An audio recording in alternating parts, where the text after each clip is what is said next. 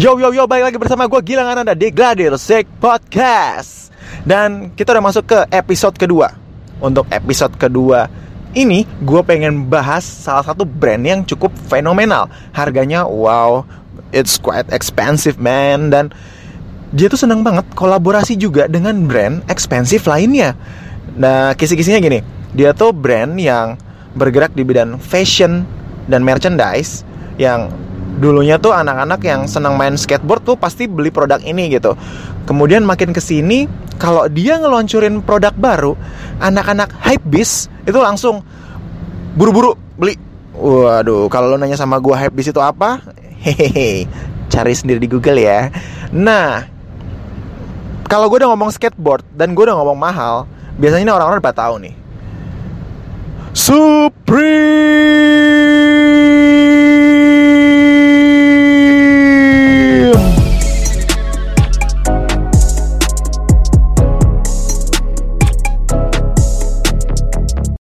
Agu Yus.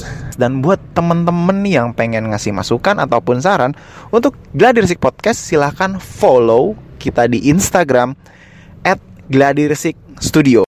Stay tune nam podcast Gladiresik. Anyway, get down to the point dan gue bakal bahas brand yang quite fenomenal yaitu Supreme. Supreme S uh, Supreme S U P R E M E ya Supreme. Supreme ya bacanya ya gitulah. Pokoknya nah Supreme ini adalah brand yang sangat fenomenal gitu. Kenapa? Ya menurut gue agak aneh tapi luar biasa gitu. Dia kadang-kadang suka jual-jual barang yang cukup random gitu dan harganya tuh mahal. Bingit. Supreme ini pertama kali tahun 94 yang diriin tuh namanya James Jebbia di daerah New York, Manhattan kalau nggak salah. Dan dia pertama kali bikin Supreme ini itu untuk anak-anak skate, skateboard, ya skateboard. Jadi dia pengen bikin suat, sebuah clothing line atau streetwear gitu untuk uh, orang-orang yang suka main skateboard terutama dan dia juga ada papan deck juga dia jual gitu di store-nya. Terus yang fakta menarik lainnya adalah logo dari Supreme sendiri yang bentuknya box dan warna merah itu tulisannya warna putih terinspirasi dari seorang desainer yang suka buat poster propaganda gitu namanya Barbara Kruger. Itu cukup terkenal zaman itu dan banyak banget yang uh, terinspirasi dari karya-karyanya dia. Nah, kemudian dibuatlah logo Supreme itu ditaruh di kaos dan harganya sekarang resellernya udah lumayan mahal banget kayaknya ya.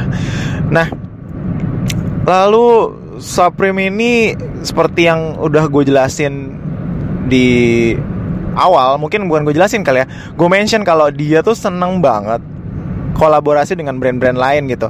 Contoh aja Nike misalnya kolaborasi sepatu, terus dia pernah kolaborasi juga dengan yang paling uh, quite fenomenal juga sih menurut gue ya. Itu brandnya mahal banget, yaitu LV Louis Vuitton. Itu luar biasa harganya. Lo bisa cek resellernya di internet mahal banget lah bisa cek sendiri bisa sampai enam setengah juta gitu sampai 9 juta harganya atau bahkan ada yang lebih dari itu wow wow banget gitu. Terus yang menarik juga dari Supreme ini dia store-nya tuh sedikit ya nggak terlalu banyak ya. Di Amerika sendiri tuh ada dua kalau nggak salah baru nambah satu lagi. Satu New York satu LA terus di Eropa ada di Paris, London kalau nggak salah. Di Jepang paling banyak. Itu ada 6 atau 7 gitu gue agak lupa.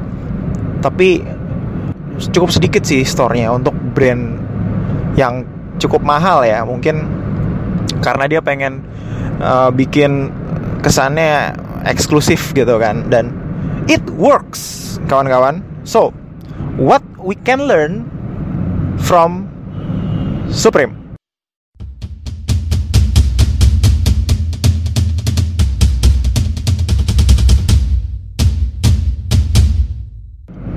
First, mereka bikin segala sesuatu. Mereka jual segala sesuatu itu pengennya kelihatan limited dan eksklusif gitu. Jadi bikinnya nggak terlalu banyak. Dan mereka tuh selalu memikirkan kualitas. Mereka tuh selalu nge-build community gitu. Jadi ya disarankan sih buat teman-teman yang pengen punya produk atau segala macam build community lah itu community will help you gitu karena kalau udah punya komunitas dan kemudian produk lo di cukup dicintai itu sangat membantu gitu dan lewat komunitas itu pun produk-produk kalian, brand-brand kalian tuh juga juga bakal di share gitu.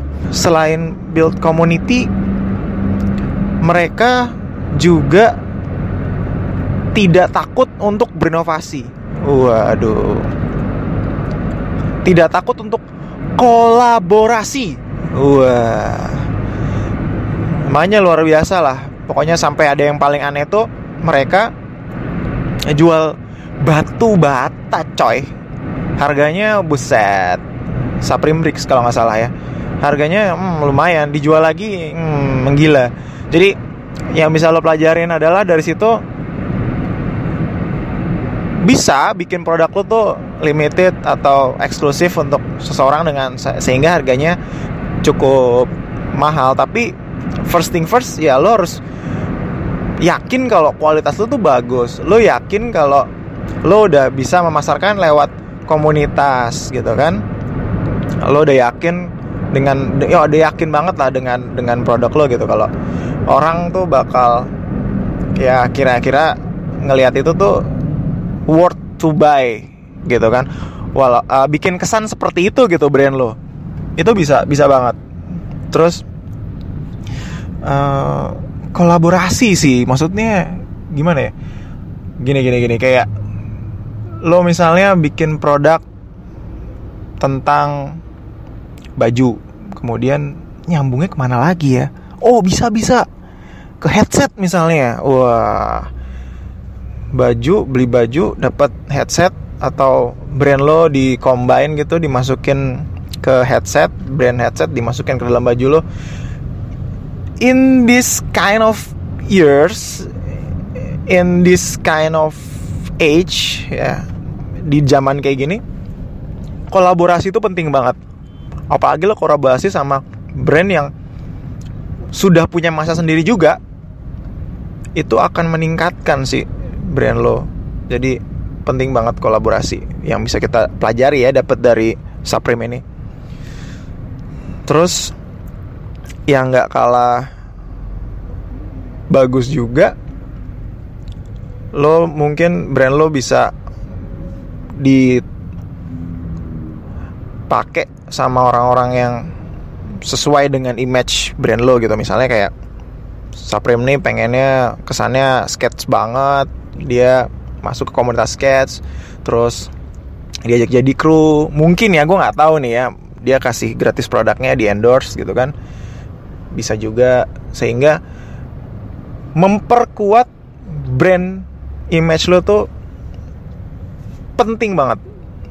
The identity of your product gitu itu penting banget. Jadi bahwa jadi kalau misalnya lo dengar Supreme wah apa aja sih dia tuh? Ternyata oh clothing produk oh dipakai orang skate oh sama orang hip hop juga gitu kan. Itu penting banget. Speak it loud gitu kan. Sasar. Walaupun misalnya lo pengen bikin barang lo limited.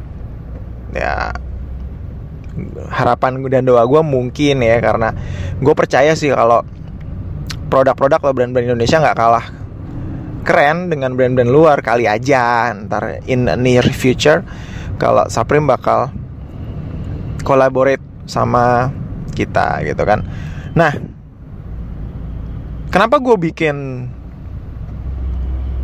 episode kedua ini? Salah satunya adalah pertama gue pengen bikin perbandingan juga sih. Kalau yang pertama itu kan kita bicara tentang sebuah brand yang dia tuh ada di mana-mana gitu kan dia tuh harganya terjangkau tapi kualitasnya bagus. Nah di episode yang kedua ini gue pengen ngebahas tentang produk yang secara kualitas bagus harganya mahal dan dia tuh sangat limited from supreme to supreme lah ibaratnya.